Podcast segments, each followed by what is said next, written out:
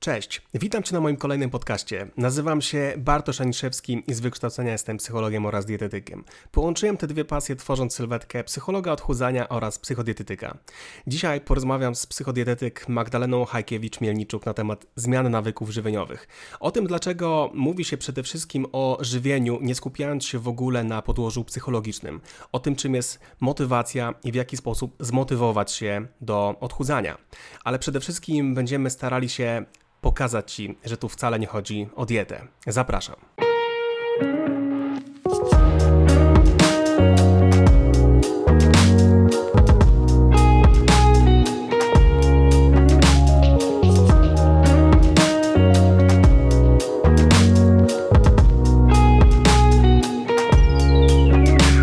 Cześć Magda. Cześć Bartek. Bardzo miło Cię gościć na moim podcaście. Wiesz co, nie wiem, czy jest to prawdopodobne, że ktoś z moich słuchaczy może Cię nie znać, bo myślę, że większość znacie e, z kursów, ze szkoleń, no i przede wszystkim też z social media. Natomiast czy mogłabyś powiedzieć coś na swój temat? Pewnie. Ja z kolei bym powiedziała, że to nie jest takie oczywiste naprawdę, bo internet jest długi i szeroki i tak jakby wiesz, my czasami żyjemy w takiej swojej bańce się wydaje, że wszyscy inni wszystkich znają, a zupełnie tak nie jest.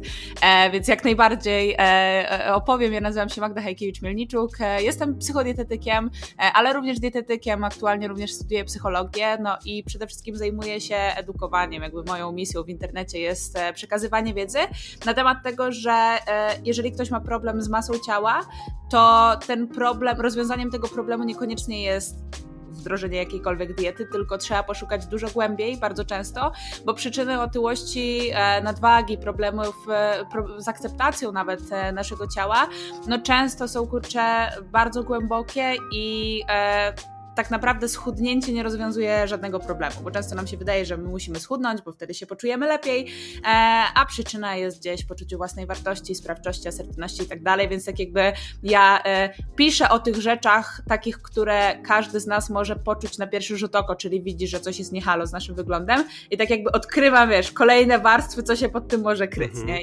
Głównie mhm. zajmuję w swojej działalności e, i blogowej, podcastowej, kursowej i jakiejkolwiek mhm. innej, którą Ale robię. Też.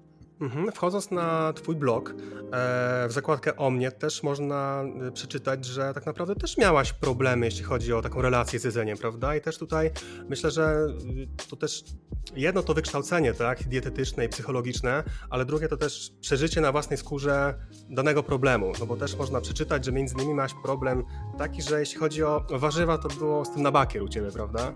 E, to więcej? w ogóle wzięło, wiesz co, e, to całe moje zainteresowanie, dlatego że ja, e, ja się ogólnie bardzo dobrze uczyłam zawsze i szczególnie z biologii, z chemii trochę gorzej, e, ale z biologii się uczyłam bardzo dobrze i w pewnym momencie wylądowałam na biochemię, totalnie nie wiedząc, co ja chcę robić dalej. A jednocześnie miałam od zawsze problem ze swoim wyglądem, z akceptacją swojego wyglądu, przede wszystkim bioder. Ja mam taką figurę, że wiesz, mam zawsze wąską talię, a po prostu w biodra mi wszystko szło i, i miałam bzika na tym punkcie nie zdrowego. E, w każdym razie zaczęłam się odchudzać. Znaczy, to już była któraś z kolei moja próba, próba odchudzania, natomiast gdzieś, nie wiem skąd, ale w jakiś sposób zrobiłam to trochę mądrzej, trochę bardziej, wiesz, długotrwale. E, I tak jakby, no, no, byłam chyba w drugiej klasie liceum, wtedy no to się zorientowałam, że jak już mi ta dietetyka weszła, w sensie, że już się zaczęłam tym interesować, jestem w sumie na biochemię, no to może gdzieś tam pójdę w tą stronę, w tą stronę dietetyki. Natomiast e, moim takim problemem, który się składał na to, że, że ja nie lubiłam tego, jak wyglądam i że w ogóle wyglądałam powiedzmy trochę gorzej, no to było przede wszystkim to, że ja w ogóle miałam starszą siostrę cioteczną, jestem jedynaczką, e, ale miałam starszą siostrę cioteczną, którą traktowałam taką jakby, jak taki przykład dla mnie, jak ona do mnie przyjeżdżała e, i ona nie jadła warzyw.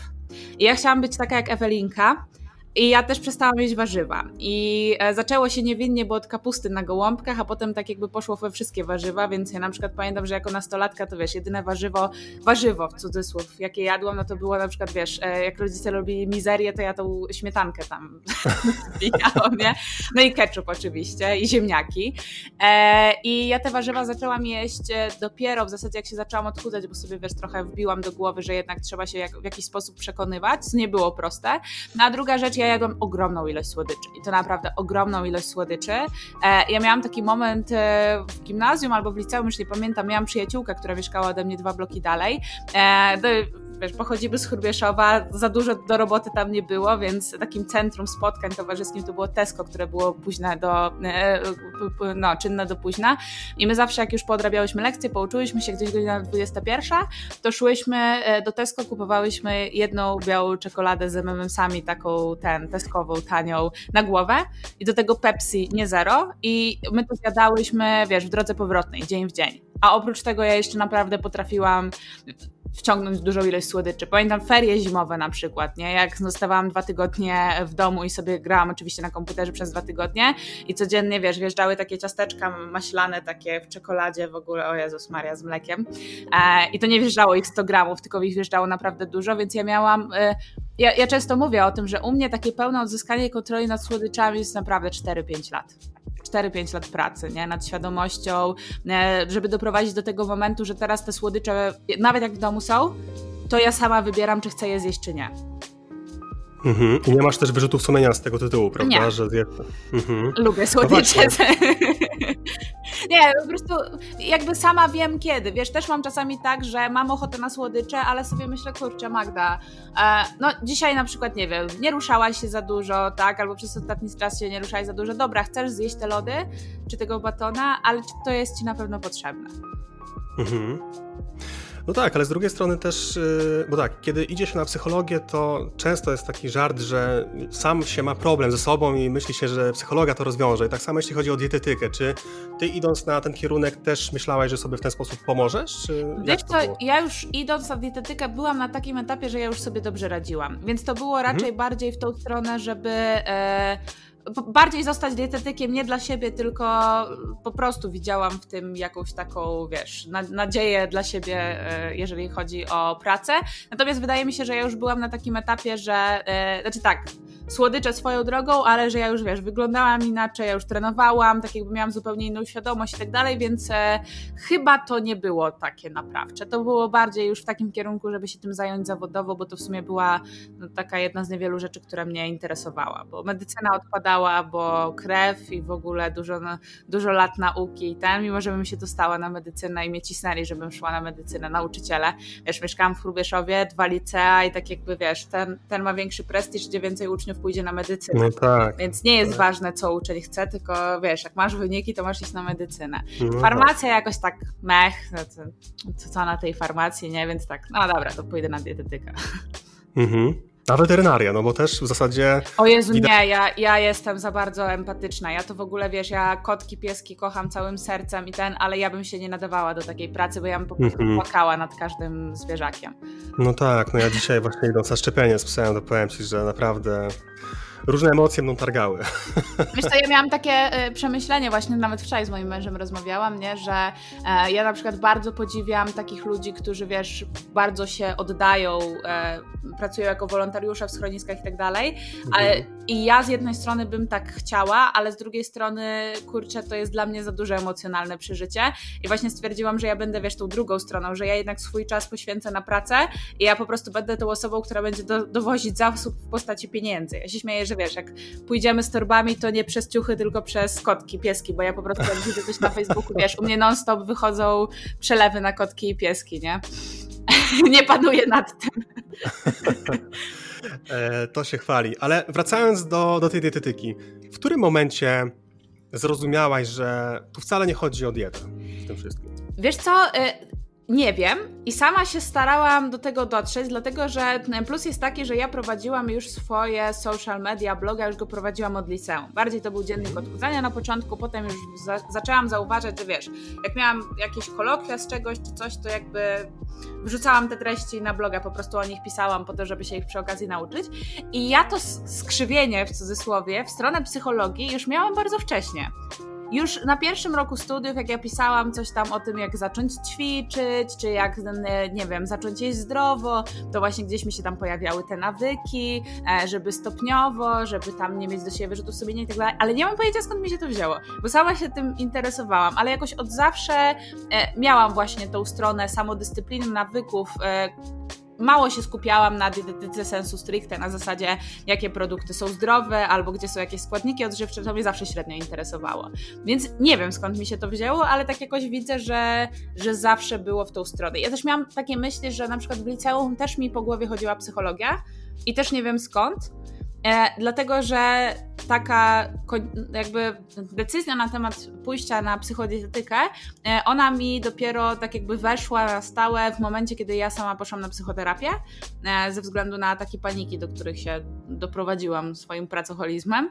E, natomiast e, ja po prostu wyszłam ze swojej pierwszej psychoterapii i pierwszego spotkania już, nie? I miałam takie o kurde, świat w ogóle nie wygląda tak, jak mi się wydawało, nie? że to jest w ogóle jakieś wow, co tam się dzieje w tej głowie.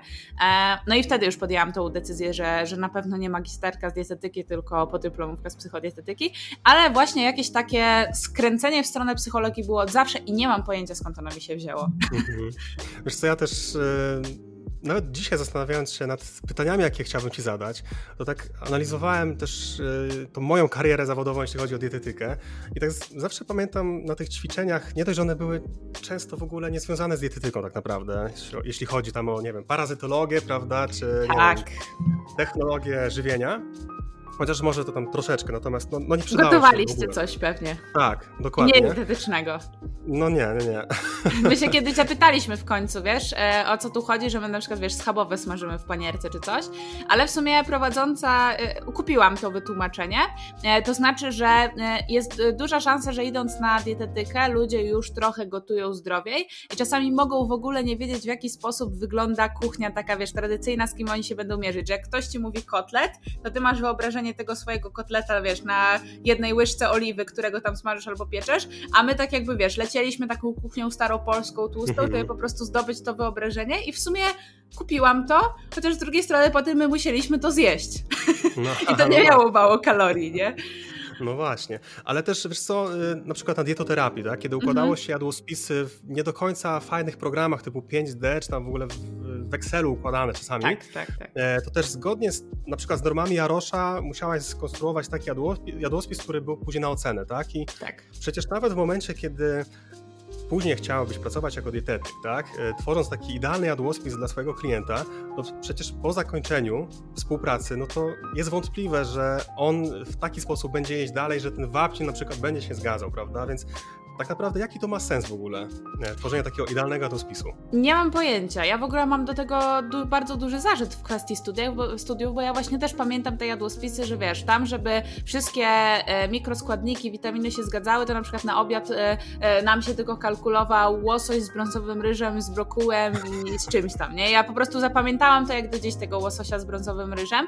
E, nie wiem, wiesz co, to jest dla mnie jakieś, jakieś, jakaś taka głupia zmowa, bo no nie wiem, wydaje mi się, że jednak każdy praktyk, chyba że ludzie są tylko mm. teoretykami, to okej. Okay. No każdy praktyk wie, że ludzie tak nie gotują, a z drugiej strony my się chyba jakoś tak, nie wiem, na tych wyższych szczeblach nauki umówiliśmy, że to ma być wszystko na tip-top. Nie wiem, to jest dla mnie też bardzo dziwne, nie? Bo ja jakby dość otwarcie głoszę swoje poglądy na ten temat, że ja wiesz, ja w ogóle mało bardzo pracuję na jadłospisach, e, ja bardziej pracuję na proporcjach składników, to znaczy ja wolę komuś dać tak jakby, wiesz, wyliczone proporcje. To znaczy, jak chcesz sobie zrobić kotlet z ziemniakami i z czymś tam, to tyle mięsa, tyle ziemniaków, tyle oliwy, tyle warzyw na przykład.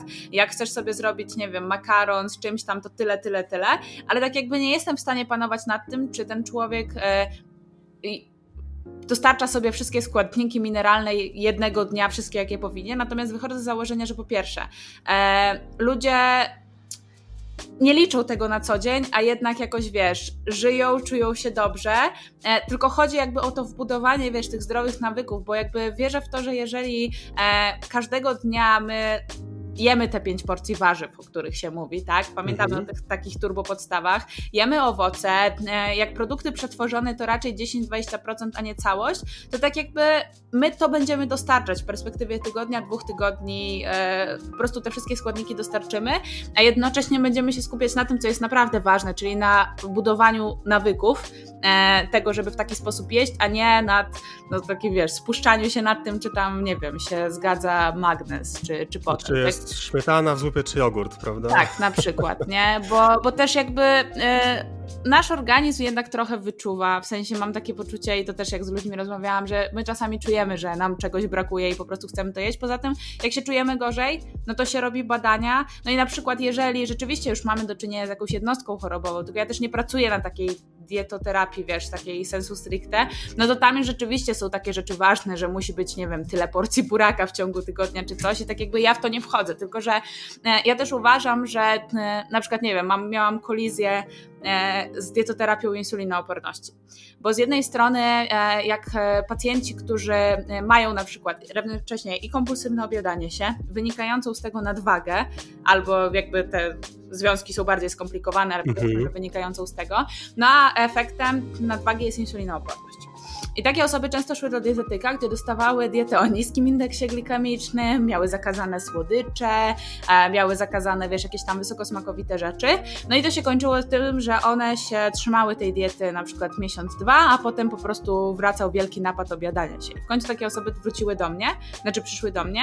E, no i tutaj jest taka kolizja e, krótkoterminowa, dlatego że ja takim osobom często pozwalałam jeść słodycze, nawet im je wpisywałam w jadłospis, mając pełną świadomość tego, że mówimy o insulinooporności, natomiast ja wiedziałam, że jeżeli ta osoba nie odzyska najpierw kontroli nad procesem jedzenia, a kontrola procesem, nad procesem jedzenia wiąże się z tym, że czasami e, w ogóle tych kalorii jest więcej, albo te produkty są bardziej rekreacyjne, tak jakby wiesz, pozwalamy osiągać e, wolność w głowie. Ty wiesz o czym mówię, bo, bo e, w psychodietetyce wiesz, że trochę zasady są inne, natomiast tutaj dla słuchaczy no chodzi o to, żeby po prostu wyeliminować coś takiego, że ktoś na przykład w sposób taki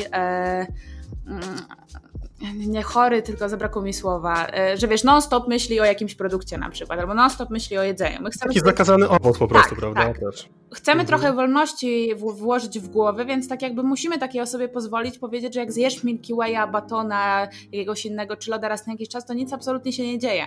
A tamta osoba ma jeszcze z tyłu głowy, wiesz, te zalecenia, ale w insulinooporności nie wolno. No tak, tak. I tak. krótkoterminowa to rzeczywiście była kolizja, tak, no bo jednak fajnie byłoby obniżać ten indeks glikemiczny, ale nie do końca się zawsze e, dawało. Natomiast dzięki temu, że podczas, podczas tej pracy psychodietetycznej dwu-czteromiesięcznej taka osoba odzyskiwała kontrolę nad procesem jedzenia, to ona potem mogła iść już w stronę tych zaleceń jakby bardziej skierowanych na, e, e, no, na leczenie insulinooporności, dlatego że ona już mogła się tego trzymać. Bo wcześniej nie, ciężko jest wprowadzać jakieś zalecenia żywieniowe dla osoby, która nie ma kontroli nad procesem jedzenia. Trzeba najpierw zbudować kontrolę, a potem dopiero wdrażać zalecenia. Ja też tym osobom zawsze tłumaczyłam, że to, że my teraz ne, ne, pozwalam ci jeść, czy możesz sobie jeść jakby tak naprawdę dużo rzeczy, które chcesz, to tak jakby jednak no, z tyłu głowy musimy mieć to, że no jak chcesz być zdrowa, e, mieć taką sylwetkę, jaką zawsze chciałaś, no to nie będziesz mogła zawsze jeść wszystkiego, tak? No, to jest po prostu wybór. No. Wybieramy szczupłą sylwetkę, wybieramy zdrowie w zamian za to, że nie możemy co drugi, jeść, e, co drugi dzień jeść maka. No to jest jakby takie zrozumiałe. Mhm. Tylko, że to jest proces, bo na przykład takie osoby e, powiedzmy z insulinoopornością, często na przykład miały problem ze słodyczami przez, nie wiem, 5, 6, 7 lat albo w ogóle z jedzeniem. Więc e, dla mnie to jest w ogóle abstrakcja, że o tym się nie mówi na dietetyce, że jak ci, wiesz, że nawet się nie, nie wiem, czy ciebie uczyli e, na studiach, żeby zadać takie pytanie, na przykład, jak długo masz problemy z żywieniem, jakie były twoje pierwsze nawyki żywieniowe. Absolutnie. No właśnie, nie? I jakby to jest dla mnie w ogóle abstrakcja, że tego się nie mówi, że przychodzi na przykład pacjent, który przez 10 lat ma wbudowany nawyk jedzenia produktów wysoko przetworzonych, a ty mu wrzucasz dietę, wiesz, e, łosoś brązowy. Na parze. Bro, tak, na parze i broku. E, I tak jakby wymagasz od niego, żeby on, wiesz, już na kolejnej wizycie to wszystko wprowadził, nie? Mhm. Absurd.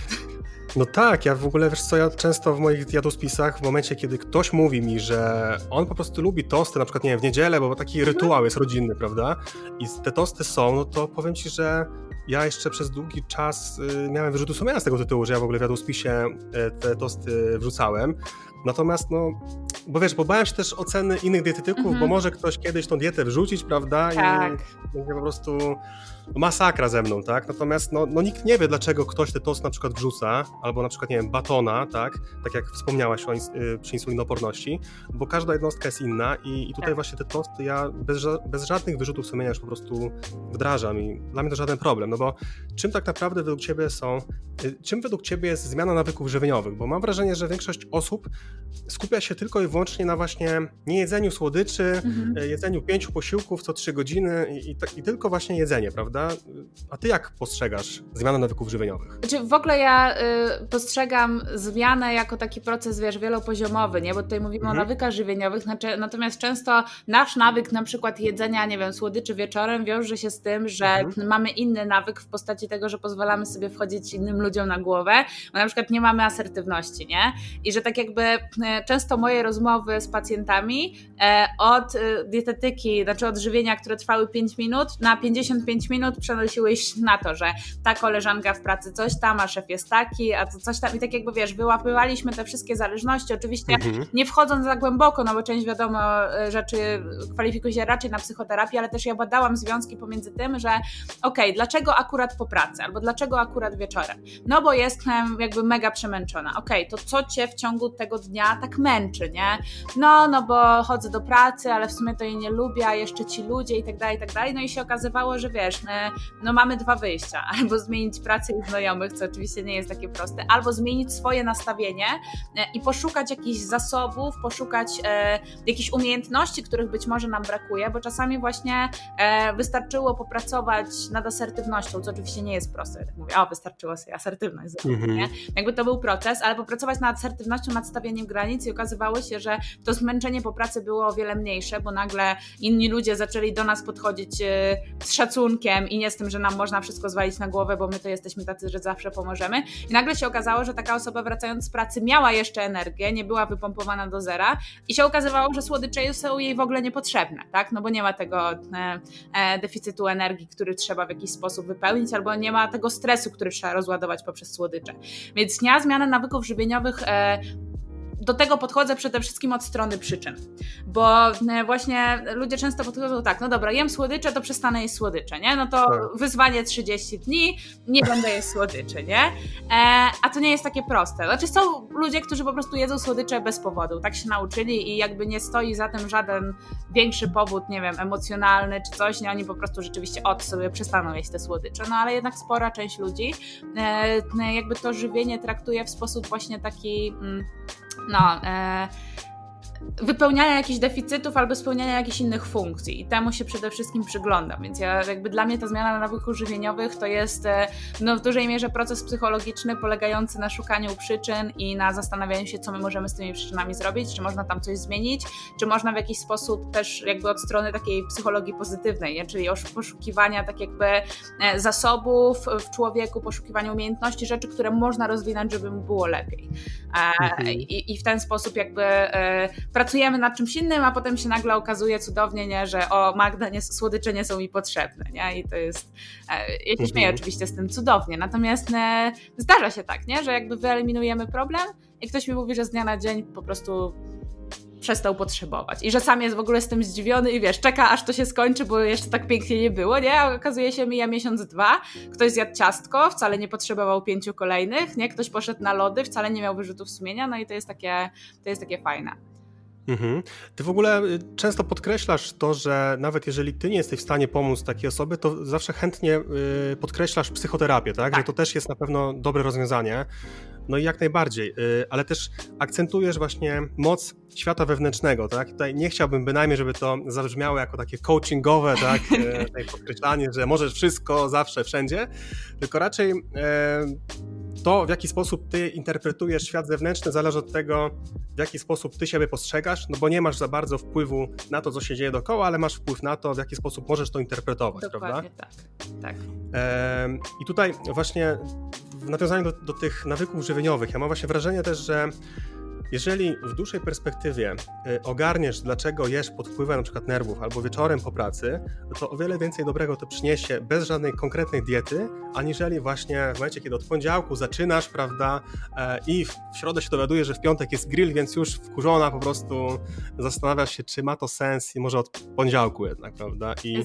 Totalnie się zgadzam, tak. To jest jakby cała idea tego jakby no, mojej pracy, ale jakby pracy psychodietetycznej, no bo my też jakby się rozumiemy jako psychodietetycy, my wiemy, co, co tam siedzi, natomiast mamy też, uważam, trudny, e, trudne zadanie, ponieważ e, ostatnio rozmawiałam chyba z Kubą Chwiłkowskim u siebie na podcaście, właśnie, że my dostaliśmy taką trochę spuściznę takich lat 70., 80. i w ogóle też jakby najpóźniejszych, że e, kiedyś jak odchudzanie, to była dieta. W sensie, wiesz, o co mi chodzi? O takie, tak. e, że były te czasy świetności diety Dukana, kopenhaskiej, e, e, Kwaśniewskiego i tak dalej, że tak jakby ludzie zauważyli, że jest problem pod tytułem otyłość, nadwaga i tak jakby zaczęły wyrastać remedium na to, czyli dieta, nie? A tak jakby to spojrzenie właśnie takie psychologiczne, psychodietetyczne w głąb człowieka, w to, co się tam w nim dzieje, no to jest rzecz późniejsza i wydaje mi się, że jest gdzieś tam w głowach ludzi taki prototyp, że chcesz schudnąć, to dieta. I my mamy dużą trudność i duży problem, żeby to stopniowo wyplenić u ludzi, że, że nie dieta, nie dieta. Najpierw znajdź przyczynę, mhm. najpierw jakby odkryj siebie, poznaj siebie, polub siebie, poobserwuj siebie, poobserwuj jak ty się zachowujesz w różnych sytuacjach, ale nie dlatego, żeby się ocenić i zgnębić, tylko po to, żeby wyciągnąć wnioski. Nie? Tak jak ja to zawsze przyrównuję, nie wiem, do naprawy kranu. E, jak, nie wiem, rozwali ci się kran, no to nie wchodzisz na internet, nie, wpis, nie wpisujesz e, część do kranu i wiesz, wyskakuje ci najpopularniejsza, więc ty ją zamawiasz, no bo ona przecież jest najpopularniejsza, więc na pewno pomoże.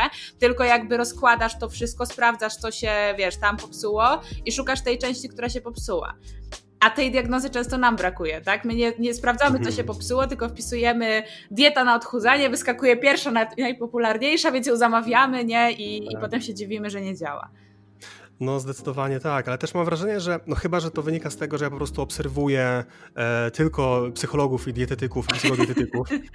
To jest ta ale bańka. Wrażenie, tak, dokładnie, ale mam wrażenie, że jednak ta psychodietetyka gdzieś tam rośnie, prawda, w siłę. Mm, coraz rośnie, więcej o tym się mówi. Tak, rośnie, bo znaczy y, widzę, że coraz więcej takich osób, które na przykład, wiesz, e, były tymi osobami zawsze idealna sylwetka, taka, wiesz, zbudowały na przykład swoją jakąś jakąś tam markę na tej szczupłości, formie i tak dalej, jednak e, w pewnym momencie miały z tym problemy. Oczywiście się najczęściej nimi dzieliły, podzieliły się nimi po czasie i rzeczywiście gdzieś tam skręcają coraz bardziej w tą stronę psychologii.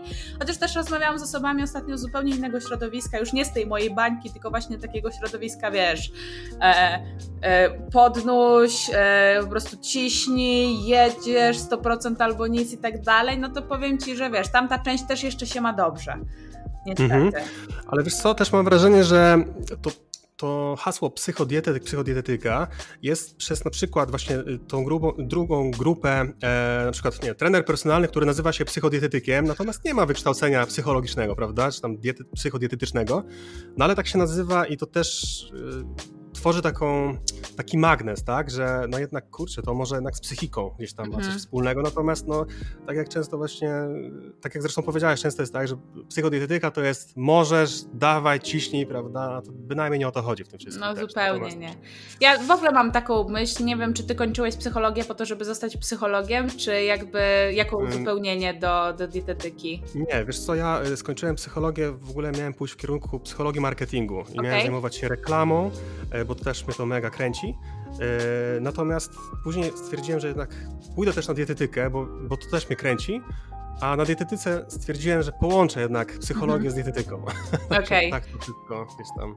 No pytam, bo ja na przykład mam tak, że wiesz, ja nie poszłam na psychologię po to, żeby być psychologiem tak sensu stricte i, -hmm. i jakby pomagać psychologicznie, ale po to, żeby lepiej pomagać psychodietetycznie, e, żeby mieć po prostu, wiesz, szersze spojrzenie, bo też jakby ja się na psychodietetyce mega dużo nauczyłam, ale jak poszłam -hmm. na mhm. psychologię, to dopiero zobaczyłam, wiesz, ile tam jest jeszcze takiego, takich rzeczy, które... W takim mainstreamie ładno, łatwo pominąć, że my zapominamy jednak o tym, że my wszyscy jesteśmy inni i że to wynika z różnych rzeczy, nie zawsze tych modyfikowalnych, bo wydaje mi się, że taka osoba, która przeczyta kilka książek psychologicznych, ma takie właśnie poczucie takiego, kurde, można wszystko, można zmienić świat, możesz być kim chcesz i tak dalej, a wcale tak nie jest, że jednak często my mamy no tyle ograniczeń wewnętrznych, oczywiście zawsze, dostając człowieka niezależnie od jego środowiska, aktualnego stanu, zawsze da się wyszukać czegoś, coś do poprawy, coś zmienić i tak dalej, żeby wiesz, jakby ta sytuacja była trochę lepsza. Natomiast no nie oszukujmy się, nie jest tak, że każdy może wszystko po prostu. I, I że tak jakby też jest dobrze to zaakceptować, i też jest dobrze to zobaczyć i pomóc człowiekowi też nie oszukiwać się, tylko tak jakby po prostu skupić się na wydobyciu tego, co jest w nim najlepsze, e, no ale też jakby nie budować takiej zakrzywionej rzeczywistości. Nie? I wydaje mi się, że właśnie ta psychologia uczy takiej pokory, że jednak jest dużo, jest temperament, jest osobowość, e, jest wychowanie, jest jakaś ilość zasobów, e, czasami no niektórzy po prostu nie dostają tego na starcie i będzie im trudniej. Oni mogą osiągnąć wiele w życiu, ale będzie im trudniej, oni muszą też to respektować itd. Tak itd. Tak Więc ja myślę, że ta psychologia tak uczy takiego, e, takiej właśnie pokory wobec tego. Mhm. Czy w ogóle tak z perspektywy czasu ja w ogóle mam wrażenie, że nie znalazłem takiego połączenia psychologia-odchudzanie, kiedy studiowałem, mhm. ale teraz znowu wracając do tych książek, no nawet nie wiem, no bandura, poczucie własnej skuteczności, no -hmm. mówię, Boże, no przecież to jest jakaś podstawa, prawda, którą można wdrożyć, jeśli chodzi tam o nawet, czy kurs, czy po prostu współpracę z, tak, z klientem. Tak, tak, tak, no. Natomiast, no, no tak, no człowiek dopiero po takim czasie zastanawia się, czy w ogóle, no, no nie, no nie można cofnąć czasu, natomiast można zawsze do tego wrócić, tak? Tak. Natomiast um, jeśli chodzi o właśnie wspomnianą psychologię reklamy, to ty Magda masz wrażenie, że odchudzanie w tych czasach jest trudniejsze, łatwiejsze? Jakie ty masz poczucie? Wiesz co, mam wrażenie, że środowisko nam bardzo nie sprzyja. E, to znaczy, że e, my żyjemy szybko, mamy ogromną dostępność pokarmu, która nigdy wcześniej w ogóle w historii człowieka nie występowała, więc my też jeszcze na takim poziomie e, budowy mózgu, nie jesteśmy przystosowani do tego, dlatego że my mamy e, budowy mózgu, czy w ogóle mechanizmów obronnych, e, dlatego że my mamy bardzo dużo mechanizmów obronnym, obronnych przed niedoborem jedzenia, bo raczej w przeszłości było, e, cierpieliśmy na niedobór jedzenia, a już nie wchodząc w szczegóły, natomiast nie mamy absolutnie żadnych mechanizmów, które nas chronią przed nadmiarem jedzenia, no chyba, że się najemy za dużo na raz, no to będziemy wymiotować, tak? No ale to nas nie chroni przed tym, że następnego dnia znowu możemy siąść i, i, bardzo dużo zjeść, no tak naprawdę chroni nas nasze poczucie kontroli i nasza samodyscyplina. Więc nad tym się trzeba skupić, ale uważam, że środowisko jest bardzo niesprzyjające. Też e, ja trochę e, jestem zła na niektóre nasze cechy, wiesz, społeczeństwa polskiego, na, e, na, na to ocenianie siebie wzajemne, na stawianie sobie wymagań, na powinności, to, że my, wiesz, też jesteśmy wychowywani często w takim środowisku, że nie zachęca nas się do poznawania siebie, do swoich mocnych stron, tylko zachęca nas się do tego, tego, żebyśmy się wtłaczali w jakąś ramę, czyli żebyśmy e, powinniśmy robić to, powinniśmy robić tamto, chodzić tu, tutaj się nie wychylać, bo to tak nieładnie, a co inni powiedzą i tak dalej. I uważam, że to jest e, złe i należy to zmienić. Złe jest również to, że e, Polsce, wiesz, często jak ktoś poszedł do psychologa, no to wariat, albo ja nie będę iść do psychiatry, no bo nie zwariowałem, albo jeszcze nie jest tak źle, żeby iść do psychoterapeuty, że gdzieś tam ta e, e, właśnie skojarzenia na temat pomocy psychologicznej są jeszcze bardzo, bardzo w tyle.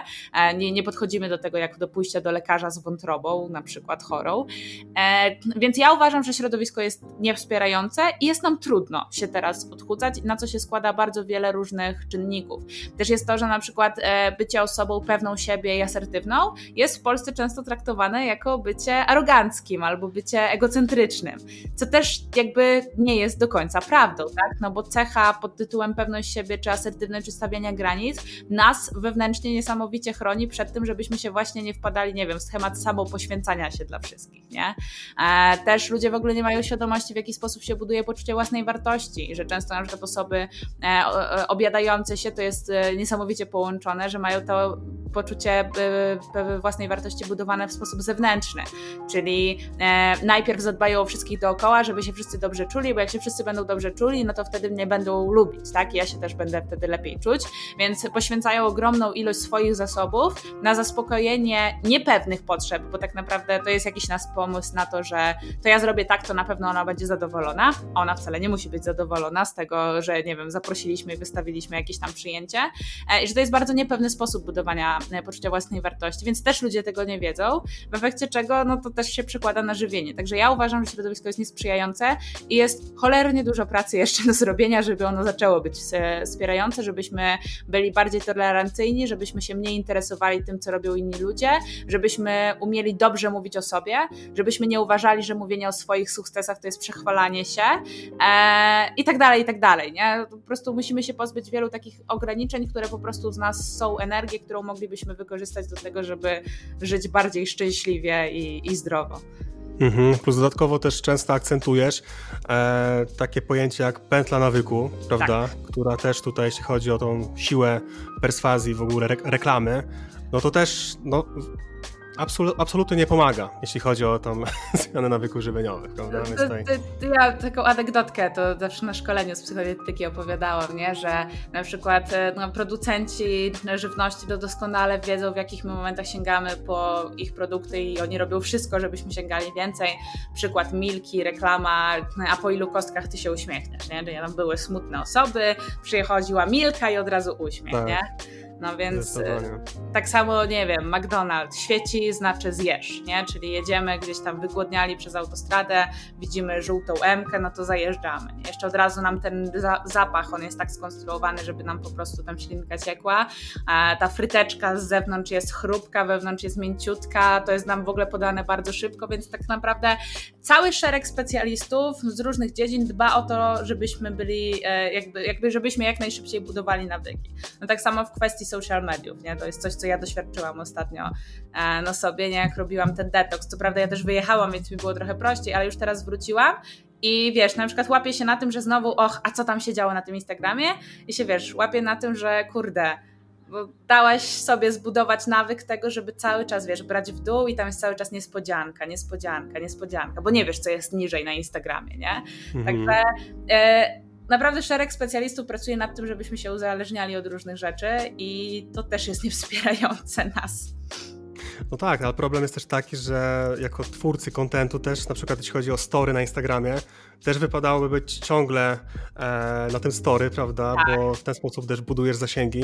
No i to też z jednej strony no, chciałabyś zrobić ten detoks, z drugiej strony, no kurczę, no jak nie zrobisz, to nagle padają twoje zasięgi, więc to, to, też jest problematyczne. Męczące bardzo. Ja na przykład mam tak, że dzisiaj, nie wiem, może powinnam teraz nagrać story, że wiesz, że nagrywamy albo coś tam, a ja też mam tak, że kurczę, nawet jak wiesz, gdzieś jestem, co robię, nie mam takiego nawyku. Wydaje mi się, że często ludzie z zewnątrz widzą twórców internetowych jako takiego kogoś, kto cały czas chodzi z telefonem, a tu jakby jest wręcz przeciwnie, bo jak ja się z kimś spotykam, to częściej tamta osoba siedzi na telefonie, a ja nie mam potrzeby ani, wiesz, relacjonowania tego, ani opowiadania z kim jestem, gdzie idę, co robię, bo po prostu to jest taki, wiesz, czas dla mnie, nie?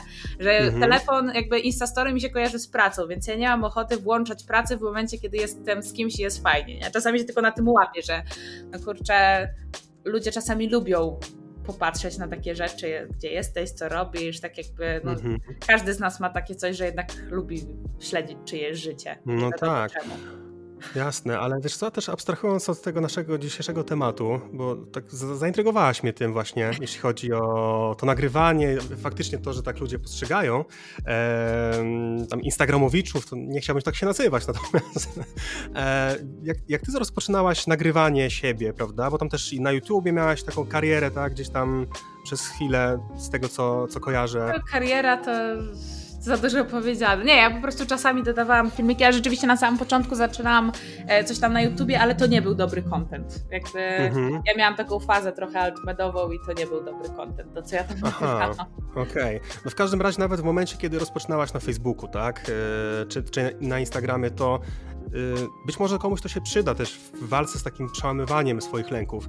To y, ty się spotkałaś z krytyką, na przykład jeśli chodzi o bliskich, czy, czy, czy raczej z taką pochwałą, czy jak to u ciebie było? Wiesz co, chyba ani z tym, ani z tym, chociaż e, wiem, że na pewno moi znajomi o tym rozmawiali, coś tam gadali, nie wiem, czy to było pozytywne, czy niepozytywne, natomiast ja gdzieś tam miałam od zawsze taki element buntu w sobie, że ja po prostu miałam, wiesz, z jed... znaczy z jednej strony dużo mnie obchodziło, co pomyślą inni, ale z drugiej strony w pewnym momencie stwierdzałam, a dobra, co, co tam będzie, nie? Tylko, że ja mhm. też y, po pierwsze nie zaczynałam tak z myślą o tym, że to wiesz, będzie nie wiem, mój zarobek kiedyś, czy, czy ja chcę z tego żyć, tylko ja sobie po prostu prowadziłam bloga o odchudzaniu e, i to też myślę, że chyba było, było mi łatwiej, bo też byłam młodsza i tak jakoś, wiesz, ja po prostu mi to weszło. Dla mnie jest to coś normalnego wyciągnąć telefon i do niego gadać, ale z drugiej strony pamiętam, że bardzo długo wzlekałam e, z dodaniem swojego zdjęcia gdzieś tam na Facebooku, e, bo nie wiem, czy ja się wstydziłam, czy coś. Raczej dodawałam na początku jakieś tam inne graficzki, inne zdjęcia, czy coś tam,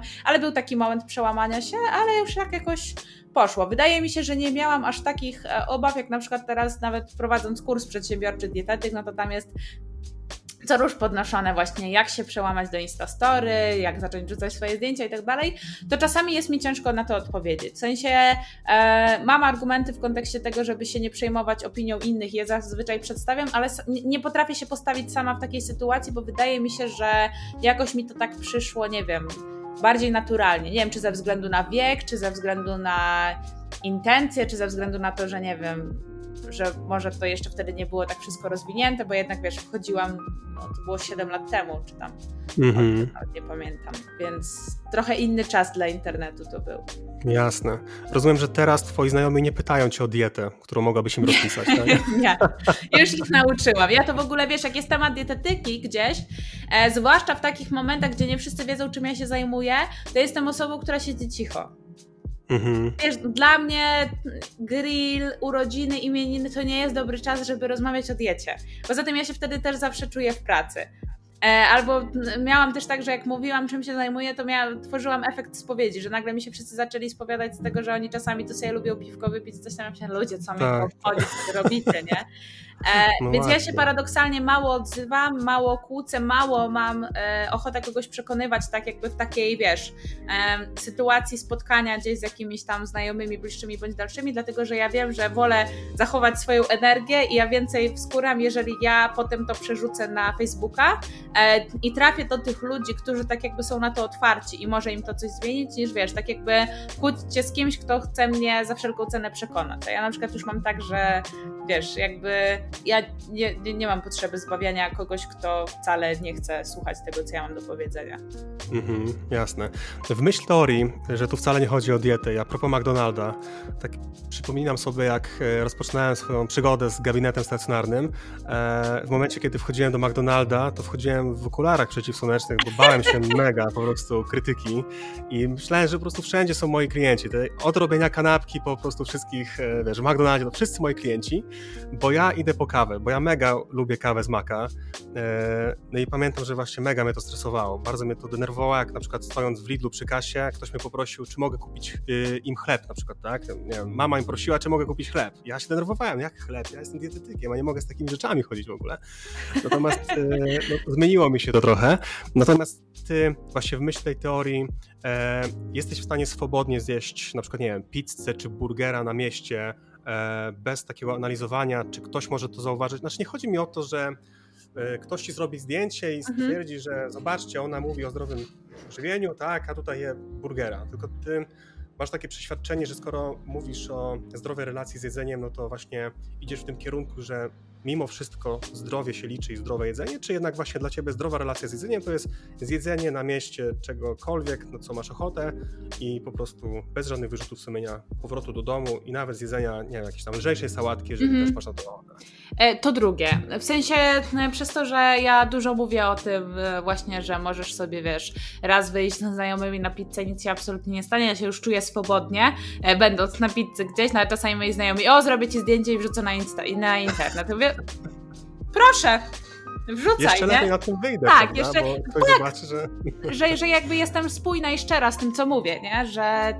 Znaczy, wiesz co, ja w ogóle zauważyłam, e, że ja bardzo mało jedzenia pokazuję na swoich social mediach. I tak ostatnio Justyna Świetlicka mi właśnie powiedziała, Magda, ja nie wiem, co ty w ogóle jesz, nie? Ale ja tak mam jakoś, że nie wiem, dla mnie to nie jest clue e, tego, mhm. co, co ja tam jem. Dla mnie się liczy tak jakby, wiesz, to nawyki. Też się przełamywałam i tam zaczęłam coś tam wrzucać, ale jakby czuję, że to, wiesz, to nie jest moje, nie? Ja się dużo lepiej czuję jednak w takich tematach psychologicznych, ale ja się czuję ok z tym, że idę na miasto i sobie zjadam pizzę albo idę sobie na lody, tak jakby jestem wtedy, wiesz, w 100% sobą i w 100% jakby spójna z tym, co gdzieś tam mówię na swoich social mediach, więc tak. Ale miałam taki moment, jeszcze bardziej jak byłam e, w tą stronę, wiesz, siłownia, czysta micha i ten, bo oczywiście też miałam taki etap, to wtedy to było dla mnie, to wtedy miałam to, co ty, nie? Że wszędzie mogą być moi obserwatorzy i co jak mnie ktoś zobaczy. Jeszcze nie daj Boże z piwem, na piwie jak gdzieś byłam, nie? O Boże. Bo czasami bywam na tak. piwie, nie? Wow. Tak, chociaż piwa nie wiesz, to właśnie ja mam ten problem, że ja nie lubię piwa i jak już mam pić piwo, to tylko z sokiem, a to już wiesz, dodatkowe kalorie, więc tak jakby piwo, piwo nie, chociaż czasami mi się zdarzało, e, raczej wino jak już.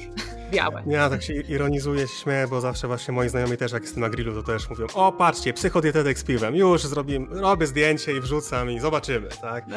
Dlatego też, no tak jak mówię, no po prostu już mi to naprawdę lotto, bo to pokazuje, że jestem autentyczny w tym wszystkim tak, i w ogóle tak. się tego nie wstydzę, tak? Magda, tak jako takie ostatnie pytanie, eee, jak uważasz, jak zmotywować taką osobę, która już ma za sobą kilka prób odchudzania, nie jest tak naprawdę do końca przekonana, jeśli chodzi o psychodietetykę, czy to w ogóle pomoże. Często w momencie, kiedy przychodzi ktoś do mnie pierwszy raz, to myśli, że to jest w ogóle magiczna różdżka i za pomocą pierwszej konsultacji zrobimy wszystko. E, jak zmotywować taką osobę do tego, żeby zmieniła nawyki żywieniowe? Wiesz co, ja zawsze mówię o tym, że e, takie osoby, które są już po wielu nieudanych próbach odchudzania, ich dużym problemem jest to, że one już nie wierzą w to, że cokolwiek da się zrobić. To je jakby pozbawia motywacji rozumianej jako, wiesz, wzbudzona energia do działania, tego, że da się coś zmienić. Więc ja e, bardzo dużo zawsze mówię o tym, że to, że do tej pory ci nie wychodziło, nie wynika z tego, że z tobą jest coś nie tak, że jesteś beznadziejny, niestworzony do sukcesu i tak dalej, tylko z tego, że po prostu dobierałeś bądź dobierałaś e, złe sposoby, rozwiązania swojego problemu, e, dlatego że nie znałaś tego problemu, nie zbadałaś jego przyczyn, nie zrobiłeś czy nie zrobiłaś e, e, właśnie tej diagnozy, nie przejrzałaś się sobie i że jeżeli teraz spróbujesz, jakby zaufasz mi i pójdziesz tą drogą, że my zrobimy analizę, co tam się tak naprawdę wydarzyło u ciebie, skąd wynikają te nawyki, ile lat ty je kształtowałaś bądź kształtowałaś, bo to też jest ważne, żeby sobie uświadomić, że jak budowaliśmy jakiś nawyk 15 lat, no to my go nie zmienimy w miesiąc czy dwa. To będzie naprawdę trwało rok, dwa, trzy i to też buduje taką wyrozumiałość do siebie, nie?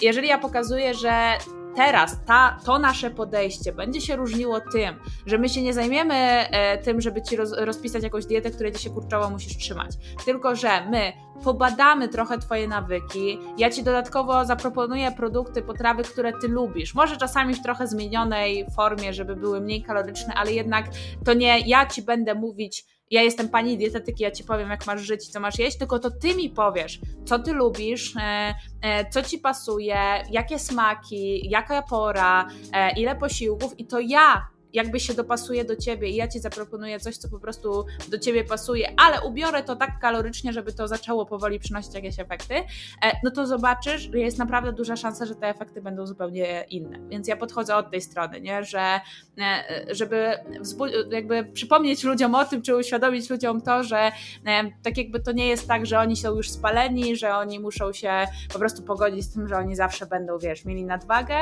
tylko że ja wierzę w to, że każdy problem da się rozwiązać, tylko czasami samo szukanie, diagnozowanie przyczyny problemu może po prostu potrwać nawet kilka lat i to jest ok.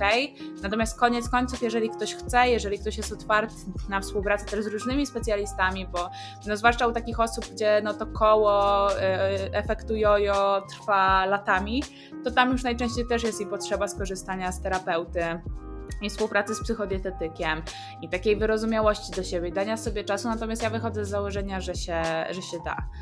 Chociaż też nie pracuję z osobami na przykład, które mają nadwagę, że znaczy wagę yy, rzędu 150-200, no bo tam też na przykład już wiem, że yy, tkanka tłuszczowa może rzeczywiście działać jako wiesz, odrębny narząd, który chce po prostu jak najbardziej się rozrosnąć i że czasami yy, no lekarze mówią o tym, że jest linia, z której się już nie da samemu wyjść, nie? I mhm. że na przykład warto zacząć wtedy od operacji bariatrycznej, natomiast koniec końców i tak musisz zmienić nawyki, więc jakby ta droga szukania przyczyn cię raczej nie ominie. Mhm. I też warto pamiętać no. chyba, y, bo chciałbym też tutaj podkreślić bardzo ważną rzecz, y, że znaczy to z mojego punktu widzenia mhm. tak wygląda, że jeśli chodzi o tworzenie celu, to większość osób ma postawiony cel chudne po prostu. Mhm. Natomiast tutaj często jest też tak, że y, ja próbuję wdrożyć takie przekonanie, że Najważniejsze też będzie, bo mam wrażenie, że coraz więcej osób ma taki problem, że najważniejsze będzie też uzyskanie wolności od takiego obsesyjnego tak. myślenia na temat tego, czy mogę to jeść, kiedy to mogę zjeść i odzywa się do mnie coraz więcej osób, które tworzy jakieś takie blogi żywieniowe, czy też są dietetykami, ale mają problem z tym, że na przykład nie wiedzą, czy oni mogą zjeść kotleta schabowego na obiad, prawda? Bo się boją. To też tak yy, no, przypomina nieco ortoreksję, natomiast no właśnie to jest ten problem, że, że tego w ogóle nie bierzemy pod uwagę, że jeżeli przed dietą nie będziesz mogła zjeść, czy mógł zjeść batona, to kiedy? Po diecie? No nie, bo będziesz się bała efektu jojo, prawda? Więc kiedy? Kiedy będzie ten odpowiedni moment?